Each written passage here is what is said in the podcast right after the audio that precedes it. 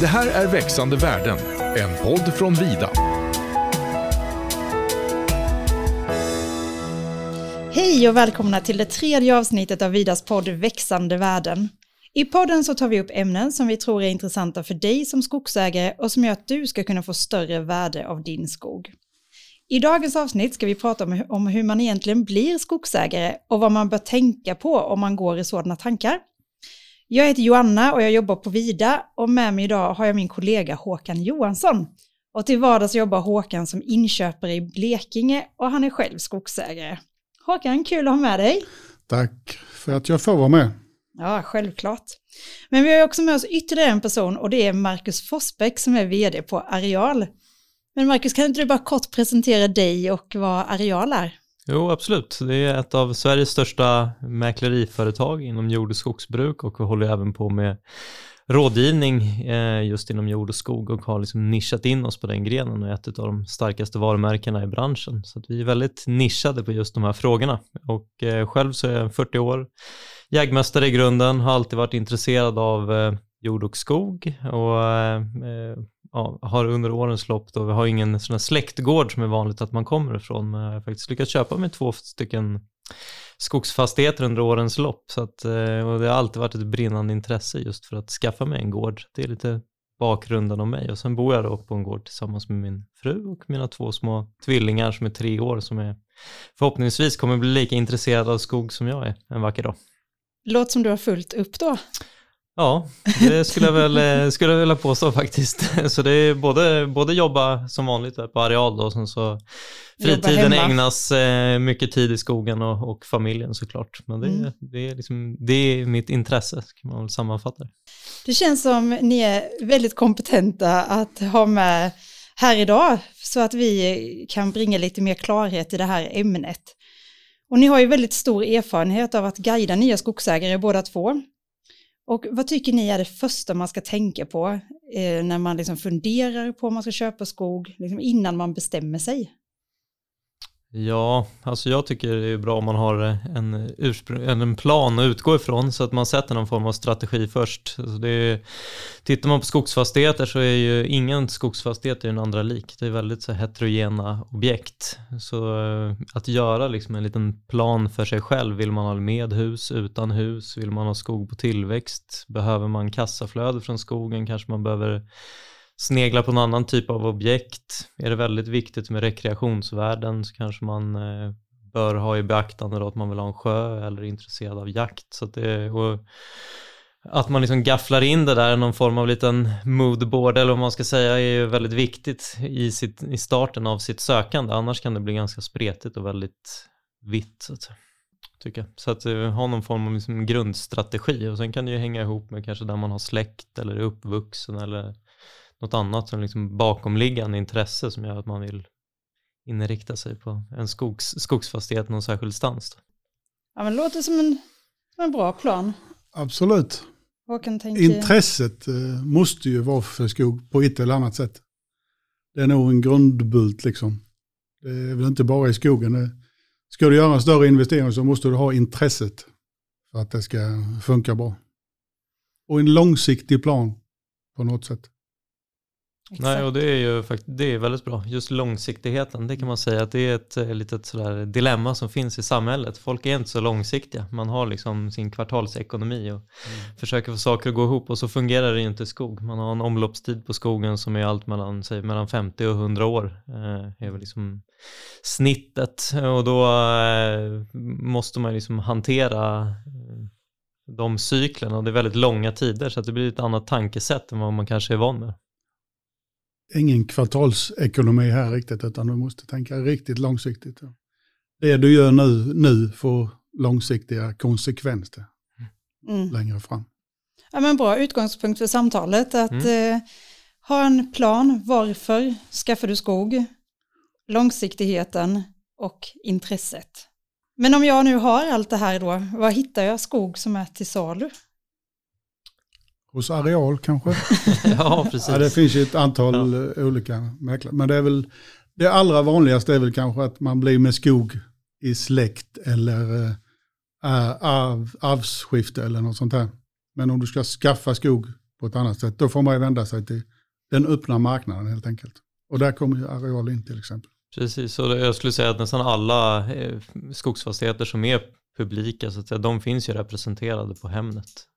Likaväl som man är Hemnet-knarkare och Mm. tittar på lägenheter eller hus eller vad som helst så finns ju de flesta, eller i princip alla skogsfastigheter kommer ju ut den vägen. Det är ju endast eh, ett fåtal som kanske läggs upp bara på någon enskild liksom, mäklares hemsida, men det hör ju till ovanligheterna. Så finns man inte på Hemnet så existerar man liksom inte i försäljningsmarknaden. Och sen är det som Håkan säger att det är ju sker ju släktöverlåtelser och ibland så sker det ju fastighetsaffärer under hand. Alltså, men det är kanske inte första gångs köparen utan då är det snarare man kanske får kontakt med någon granne som vill sälja eller man känner någon på byn så att då är det ju mer liksom kontaktnät som blir, blir aktuellt. Men jag skulle säga att det mesta som finns finns i alla fall på Hemnet. Och sen Mm. så är det ju bra att, att värma upp eh, de parter som finns och leverantörer eller mäklare på att man är intresserad. Helt plötsligt kan det dyka upp någon förfrågan, någon som inte vill gå ut publikt och då Mm. kan man ju liksom anmält sitt intresse i förhand och så kan man få kontakt via liksom en köpare där. Litet underhandsnätverk finns ju, det hör ju inte till vanligheterna men det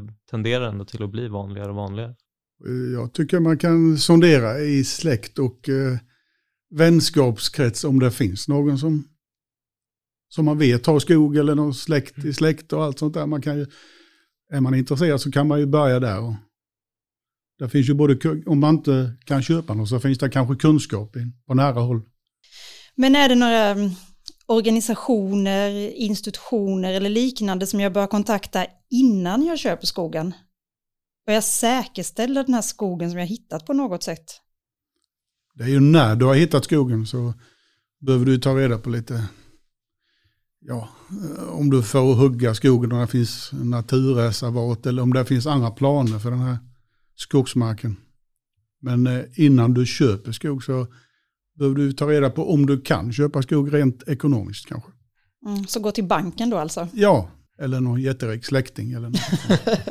Ja, men banken kanske blir det för de flesta. Ja, naturligtvis. Nej, så det finns ju väldigt mycket, eh, nu är internet är ju väldigt bra så att där finns det ju mycket kunskap att söka i förhand. Så det finns en sida som heter till exempel skogskunskap.se och där hittar man jättemycket, i princip allt som rör skog på liksom en ganska, ja men allsidig nivå i alla fall. Och sen tycker jag också att är, man får ju mycket gratis kunskap. Det finns ju nätverk också man kan gå på. Banker anordnar ju träffar och Mm. ni anordnar säkert också träffar ibland och även om man inte är skogsägare så kan man ju få sig kunskap den vägen. Så jag tycker att det är, det är bara ut och söka så mycket kunskap som möjligt. Man kan ju gå kurser och det finns ju mycket litteratur på ämnet. Och, Mm. ja, det, och prenumerera på tidningar, alltså bara läsa till exempel Skogsland och liksom man får en liten känsla. Det finns ju, finns ju nyheter och sådär både för, för mer rutinerade skogsägare men även för nybörjare. Men hur får jag reda på om det finns begränsningar på skogen?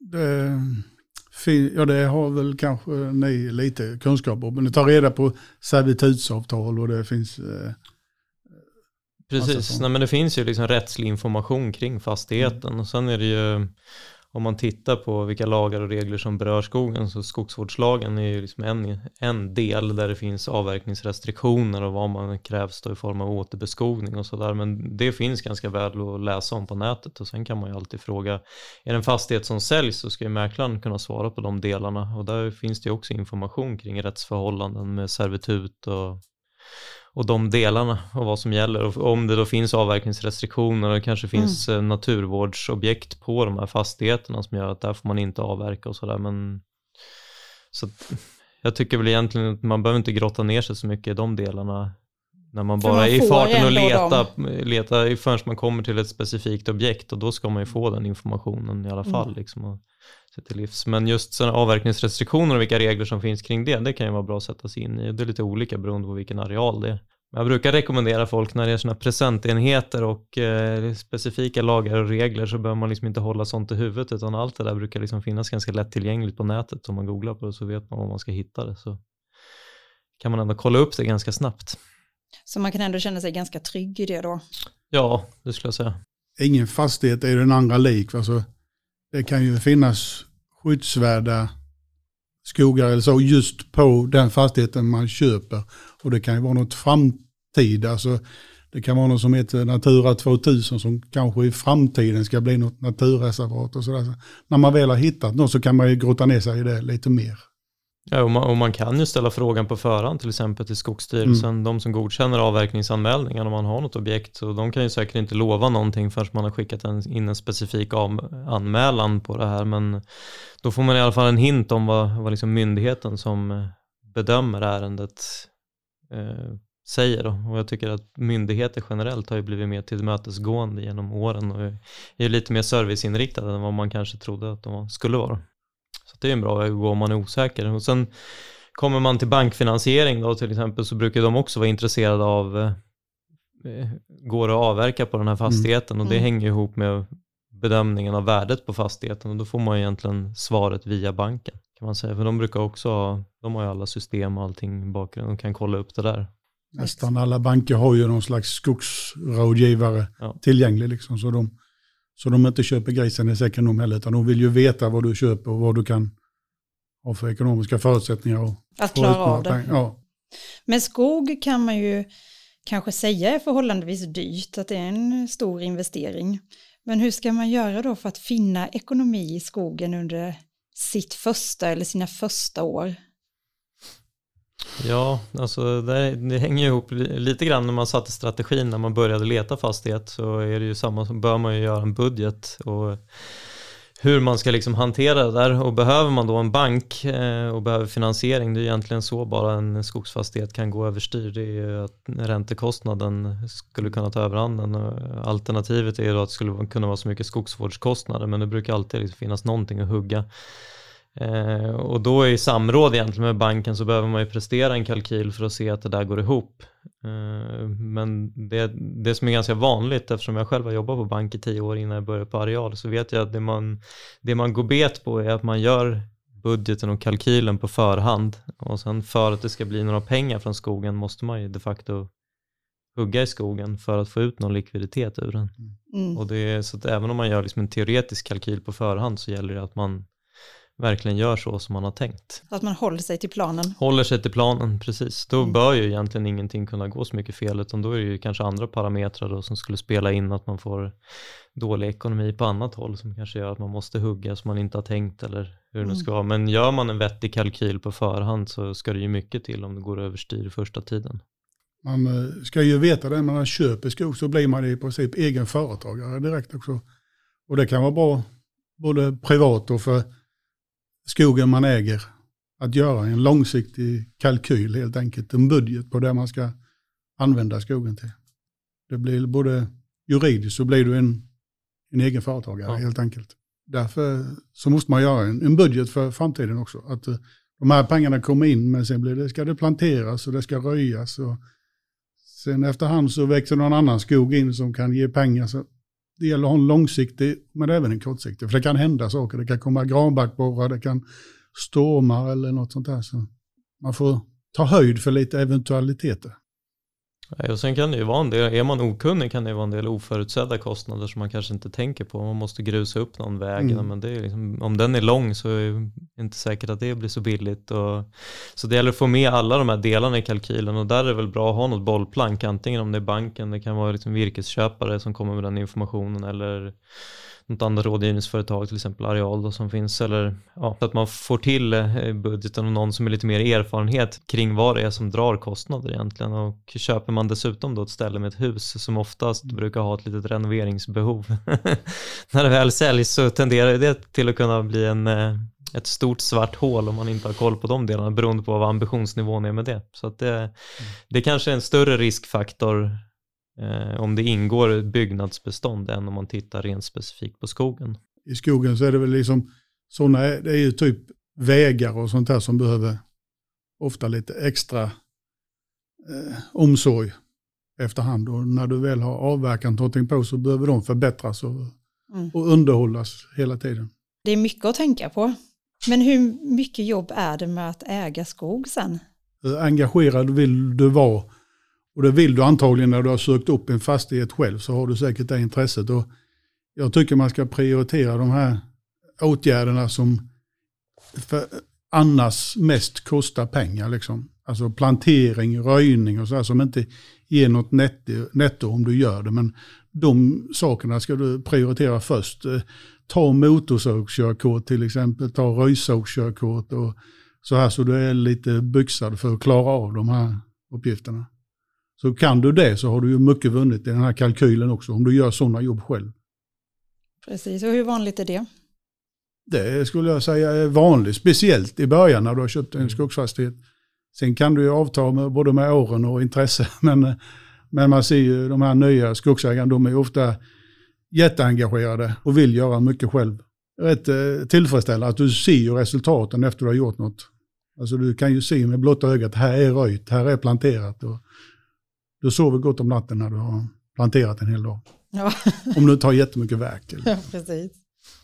Ja, det tycker jag också. Det kan man ha i beaktande att det, det är bra att ha relativt nära till den fastighet man köper. För det är på temat att det ändå föder jobb.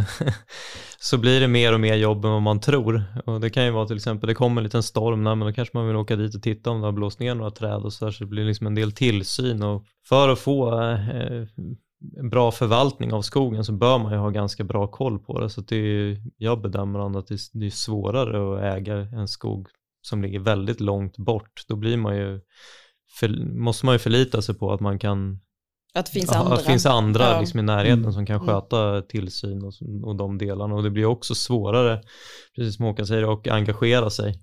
Och just det där med röjning, nej, men har man 40 mil att åka så åker man ju inte och röjer några timmar utan det, Nej. då blir det inte lika aktiv skogsskötsel och det, det tenderar ju också till att bli sämre ekonomi i en fastighet när man inte har bra koll själv och man lägger bort allting. Så det är klart att successivt försvinner ju nettot. Det finns ju ingen som jobbar gratis åt någon annan i, i det långa Nej. loppet.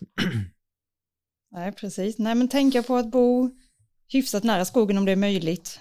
Det är en jättefördel. Ja, och kunna göra saker själv. Då har man också mycket ekonomi att spara. Vad tror ni är det vanligaste misstaget en, eh, en nybörjare gör, både när de vill köpa skog men också när de väl har köpt sin skog? Alltså jag, jag tror att man, man underskattar tidsåtgången. Mm. Man tänker sig att man har hört att det tar en dag att röja ett hektar skog, men är man inte van så kommer det där ta väldigt lång tid och man har liksom andra saker som trycker på. Så att det, det och sen är samma sak med tillsynsresorna, det behövs ofta mer än vad man tror. Eh, och sen skulle jag också bedöma att det är ganska lätt att, un- man- vill man köpa någonting så överskattar man ju gärna intäktsmöjligheterna och underskattar kostnaderna. Så Mm. där gäller det ju att ha liksom en nykter kalkyl på, på inköpet i förväg. Och det är väl kanske också då det är bra att stämma av med någon Ja, som kanske har en lite mer realistisk Ja. syn på din budget. ja, En annan sak är ju om du, om du ska göra allting själv så kan det kanske vara lite tråkigt att bara få med en kompis eller familj eller på något sätt så blir allting mycket roligare och det går lite snabbare. Du kanske kan byta tjänst med någon. Jag hjälper dig en dag så hjälper den andra dig en dag så blir det liksom lite roligare och det går lite snabbare. Det där får man anpassa efter sitt eget. Och så Huvud. får man lite erfarenhetsutbyte dessutom. Ja, det skulle jag också säga. Det är ganska, om man tittar på, vi kan hoppa tillbaka lite till de frågorna, men eh, just att man kan läsa sig till mycket saker. Men det är, skogen har väldigt långa omloppstider. Det är ganska svårt att läsa sig till allting. Det blir väldigt teoretiskt. Någonstans måste man ut och praktisera det lite grann på sin egen fastighet och lokala förutsättningar. Och, Mm. liksom, skogen är väldigt olik beroende Mm. på vad man, det är svårt att liksom standardisera allting. Och det gör att man måste liksom ut och, och bli lite, sin bli lite praktik. praktisk, omsätta sin Mm. teori till praktik. Och eh, där är det också en jättefördel om man har kontakt med till exempel lokal virkesköpare. De har oftast koll på hur skogsbruket och traditionen lite grann hur det ser ut på bygden. Och det är inte alltid säkert man har med sig samma förutsättningar. Även om man kanske äger skog någon annanstans så kan det skilja sig lite grann i vårt avlånga land också. Det är också en sånt här begrepp, alltså bonitet. Hur mycket växer det på varje fastighet? Mm. Alltså det är ju det som är räntan på det insatta kapitalet kan man säga. När man har köpt någonting så ska det växa. Och det, det är där man hamnar. Man, eh, här växer det så många kubik per hektar och på en annan fastighet så kanske det bara växer hälften. Det, är, det är stor skillnad. Men det för mig lite till min nästa fråga egentligen, för hur kan jag avgöra om det är en bra skog att satsa på? Jag har hittat ett objekt, men hur vet jag att skogen eller marken är bra? Det går ju att, att ta reda på hur mycket skog det står och hur mycket den växer. Men eh, ändå till slut tror jag det behöver hamna i någonstans känsla, känner jag för den här skogen. Man måste nog infinna den känslan. Det går ju för allting på papper, att så här mycket är det värt. Om jag säljer detta så får jag så mycket. Och så. Men ändå så måste du ha någon känsla för den här skogsfastigheten som du ska köpa eller har köpt. Så det är nog minst lika viktigt. Sen eh, kräver allting jobb hela tiden. Nej, och det hänger också ihop lite med den här strategin man har satt. Alltså, är det ett bra eller dåligt köp? Det är egentligen upp till den som, som väljer att betala ofta, det högsta priset. Oftast blir det ju den som köper.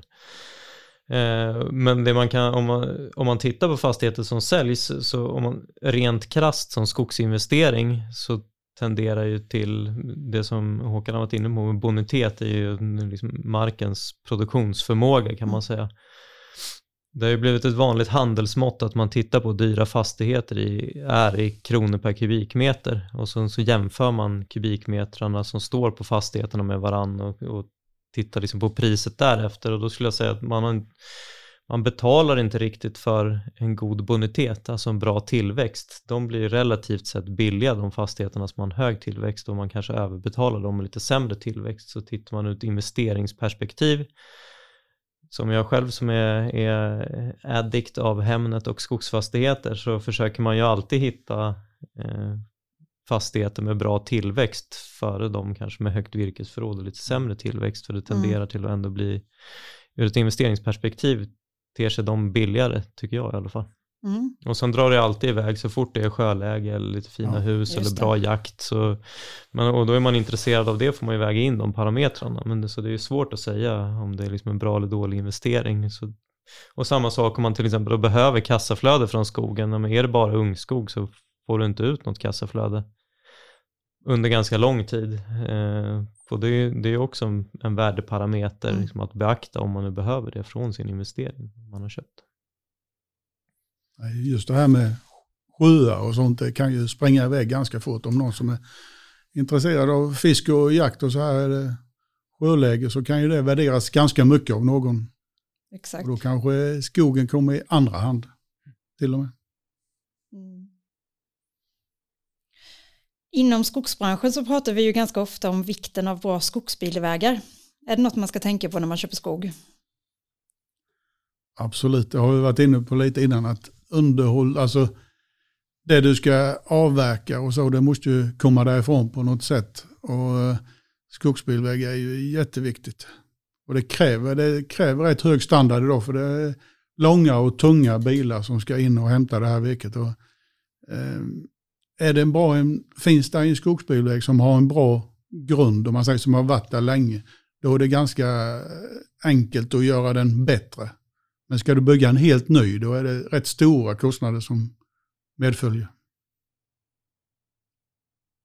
Ehm, jag håller bara helt med. Jag tycker vägar är bland det viktigaste som finns. Och tittar man på värdeutvecklingen skulle jag säga att det är en väldigt positiv eh, investering. Även om det är en dyr grundinvestering så får man ju alltid tillbaka det där. Och det, är, det är samma sak där om man tittar på teori och praktik. Så när man ska bygga, större skogsbolag, om de tittar på att bygga en skogsbilväg så ser de ju vilken, eh, vilket fångstområde den här eh, skogsvägen kan ha för virket. Så där. Och så behöver man egentligen inte tänka som privat skogsägare utan man kan nästan garantera att man kommer få tillbaka den där investeringen mm på man kanske en enskild avverkning. För de här virkesköpande företagen som finns då, de är ju väldigt sugna på att köpa tillgängliga avverkningar och att det ska vara mm. enkelt att komma åt och driva så att man det kommer man ganska mycket nytta av. Eh, och sen i efterföljande jobb med plantering blir det mycket lättare att få ut plantor mm. till hygget och samma sak det där med som nybliven skogsägare så kanske man vill ha skogen lättillgänglig också. Ska man ut och röja vill man inte gå 400 meter långt ut i skogen innan man börjar Nej. utan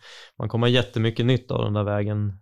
Både värdeutveckling på fastigheten och sen glädje av den ändå. Så att funderar man på att bygga väg så är det egentligen bara att göra det så fort som möjligt, tycker jag. Och då är det ju, och så tycker jag att man alltid ska satsa på att bygga för bil och släpstandard, för det är egentligen Mm. det man har igen. Man, många bygger lite sådär, nu gör jag en liten väg här eh, och så funkar den för traktor eller kanske personbil, men det är ju har man ändå släppt dit en grävmaskin och ska göra Ja. jobbet så är det ju lika bra att göra det ordentligt på en gång tycker jag. Förhållandevis liten eh, ökning av kostnaden om du bygger det för riktig bil och släp istället när du ändå har Ja. grävmaskiner och sånt på plats. Så absolut. Tillgänglighet för i alla situationer är viktigt när du har skog. Att komma åt den, titta på den, avverka den och ja. Se Underhåll. hela flödet som ska ja. löpa genom skogen. Ja. Mm. Men du Marcus, jag tänkte på, ni möter ju en del nya skogsägare. Mm. Vem är den typiska nya skogsägaren? Ja, alltså det är ju ändå, det är lite olika beroende på var någonstans man är i landet såklart. Men eh, rent generellt så är ju köparen av skog är ju en granne. Jaha. Om man ska Mm. eh, titta till procentuell andel av de som köper skog så är det ju absolut vanligast att grannen bredvid eller någon i liksom närheten köper till skog. Så, men eh, det har ju ökat ju ändå intresset successivt och det går ju lite grann i vågor också. Eh, att det kommer in rent nya skogsägare. Jag skulle säga att den här coronapandemin har ju spett på det intresset så nu har vi sett ett extra stort inflöde av gårdsköpare som inte är skogsägare sedan tidigare men då kanske man snarare tittar på att flytta ut på landet Mm. om man liksom vill ha hus kopplat till det då. men jag tror även att det kommer bli vanligare och vanligare att man ändå ser det som en, en bra investering och eh, inte alls omöjligt att det kommer fler och fler förstagångsköpare in i, i, skogsbranschen men, eh, men det är ändå vanligare att de som liksom är inne i rullen och köper det blir det är ofta det slutar med att de är köpare i alla fall. Ja, okej. Och de är ju ganska kunniga, så att då, är- de kan ju svaren på många av de här frågorna i alla fall. Ja. Ja. Du Håkan, du som har eh, varit med många skogsägare och vid många skogsköp. Har du någon Mm. historia där det inte har gått så bra för den där nya skogsägaren? Jag har faktiskt tänkt på en. Han hade budat på ganska många fastigheter från början och missat de här som någon annan hade fått köpa till slut. Va? Han klarade inte av Men till slut så vann han en budgivning och det var kanske efter tredje, fjärde fastigheten han hade tappat av. Så han hade väl inte gått igenom allting från början till slut på den här fastigheten. Han var liksom, nej nu ska jag ha denna. Det gick lite för snabbt. Det gick eh, kanske lite för snabbt det visade det sig då efter ett tag. För när han väl hade köpt denna så var, man kan säga han hade tre grannar. Och den ena hade ju varit med och budat så det var inga servitutvägar dit. Så hon var ju inte intresserad av att han skulle få köra ut virket det hållet. Han blir, hon blir ju lite sur på han. Och sen den tredje, eller den andra grannen, det var ett helt naturreservat som hade bildats för några år sedan. Så där fanns inga möjligheter att få ut det här virket. Och sen den tredje grannarna hade ungefär en kilometer till den här gränsen med skogsbilväg. Så han var ju liksom beroende av den här första. Och de kom helt enkelt inte överens om att han skulle få köra ut sitt virke genom hennes fastighet. Så eh, eh, det slutade med att han fick sälja den fastigheten med förlust. Han hade inte undersökt redigt innan vad som, hur han skulle kunna få ut det här virket som han hade köpt av den här fastigheten. Nej, Så det är typiskt sånt. Eh, Nej, det är tråkigt. Tråkigt när det blir så. ja, det var ju lite taskigt för han var ju jätteintresserad. Han har ju köpt Mm. andra fastigheter sen så det har funkat. Men just den där gick han bet. Ja, det gick lite för snabbt. Ja. Och Marcus, hur vill du sammanfatta, vad är de tre viktigaste sakerna att tänka på när man går i tankar att köpa skog? Ja, men då tycker jag väl att eh, den här första strategin och planen ihop med en kalkyl blir ju grundförutsättningen om man ska börja leta och sen så då att man, man håller sig till den här planen är ju ganska viktigt så att man har något grundkriterie för att starta igång. Och sen tycker jag att- att vara påläst och ändå göra det jobbet innan och sen kanske vara med i praktiska moment och träna lite på både röjning och plantering kommer gynna en som skogsägare i framtiden och den som då kan det här i praktiken kommer vara en mycket bättre beställare av tjänster när man sen ska avropa de här tjänsterna och det kommer liksom bli det som vinner i längden. Eh, och sen såklart som mäklarföretag, men eh, även av egna erfarenheter så kan man ju, det sista tipset är, det kommer ju inte bli billigare framöver, så vill man köpa en skog så eh, är det ju bara att hoppa in i den här marknaden. Det är allt för många som går och drömmer och väntar och det tar kanske 10-15 år och det, tills det är liksom för sent. Så att vill man hoppa på det här tåget så är det ju bara att vara med och köpa någonting. Om man väl kommit igång och köpt någon fastighet så kommer det bli mycket enklare kanske att köpa till eller köpa Mm. nästa. Så att det, det tror jag helt och hållet på. Det är ju det är inte värre, har man ingen affektion till fastigheten i sig att det är någon släktgård eller någonting så är det ju inte värre mer än att man kanske kan sälja den sen och då har man ändå liksom varit inne i rullen och kanske hittar en ny fastighet som man vill göra. Så då blir det ju, Testat på. Ja, testat Mm. på. Så att det tycker jag. Det är dina bästa tips. Ja. Håkan, vill du komplettera med något? Nej, kunskap, ta reda Mm. på så mycket du någonsin kan. Och hjälp, om du inte har skog själv, hjälp någon som har skog så får du den kunskapen där. Hjälpa någon dag att röja, plantera, avverka. Så du får den där känslan. Träna lite innan Ja, kan man säga. Mm, övningsköra. Ja, ja. Jag har ett supertips också när man väl har blivit skogsägare sen. Ja, det vill vi höra. Ja, Nej, men vi var inne där lite grann på lagar och regler och sådär, men eh, jag skulle säga att eh, hålla sig väl med sina grannar, det är det absolut viktigaste man kan göra när man är skogsägare och speciellt om man är ny på byn. För det Mm. är så otroligt mycket värt att ha Mm. bra grannsämja, kunna samarbeta. Eh, än att liksom, och de är ju ganska få till antalet där ute. Det är inte som ett villaområde utan eh, alla vet allt om alla mer eller Mm. mindre och ganska fort. Så att eh, Ja. få till ett bra nätverk där och eh, bli kompis Odla med goda Ja, relationer. odla goda relationer kommer vara A och O för ett eh, bekymmersfritt och eh, bra skogsägande.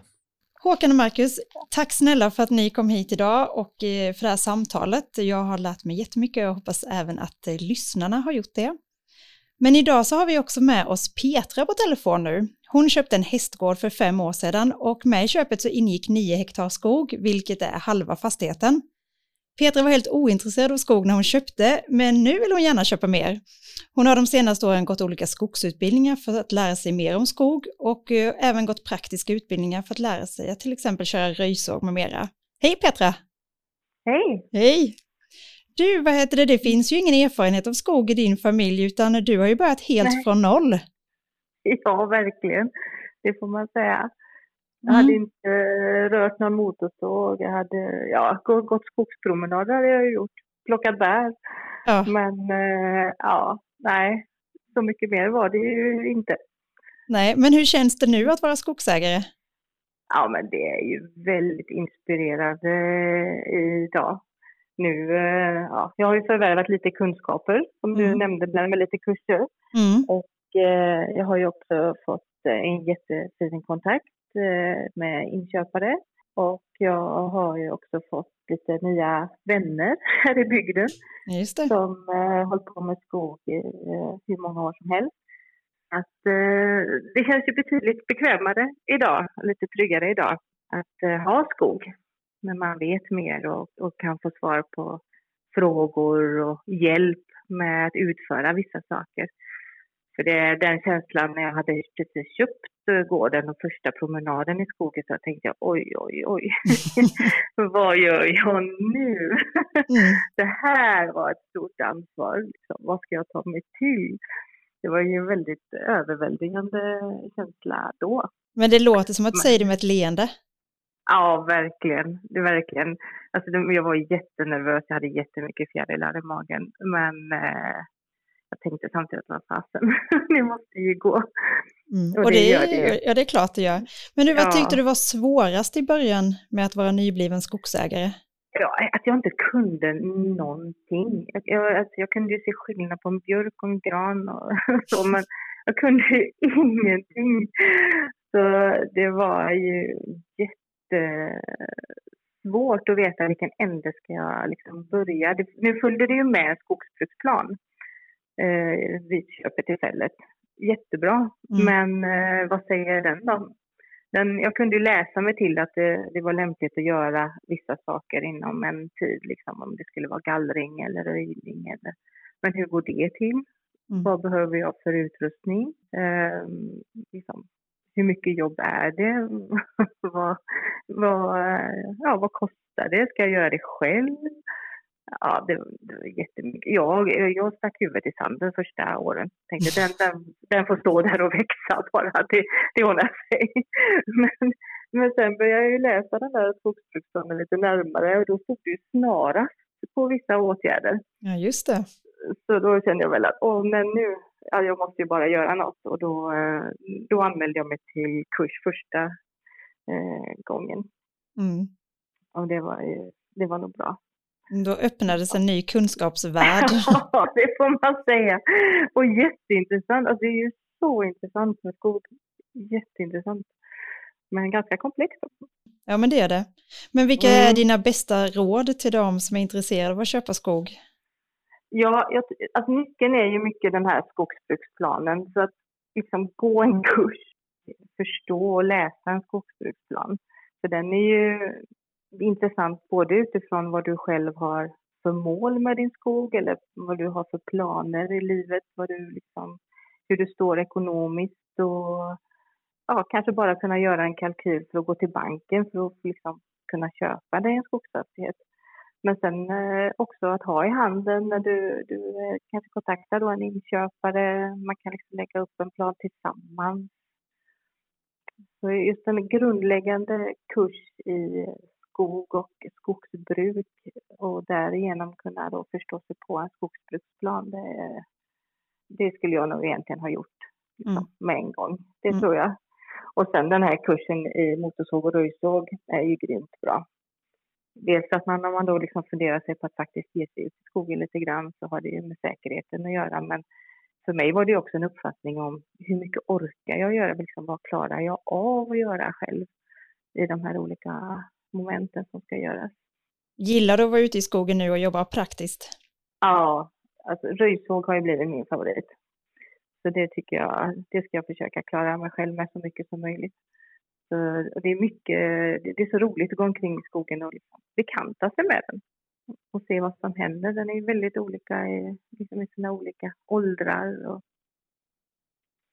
och nu ska jag ju snart avverka för första gången och, och nu blir det ett helt nytt moment. Och, och vad man gör efter det. Ja, men det är spännande att höra. Letar du efter mer skog att köpa till eller känner du dig Ja. nöjd?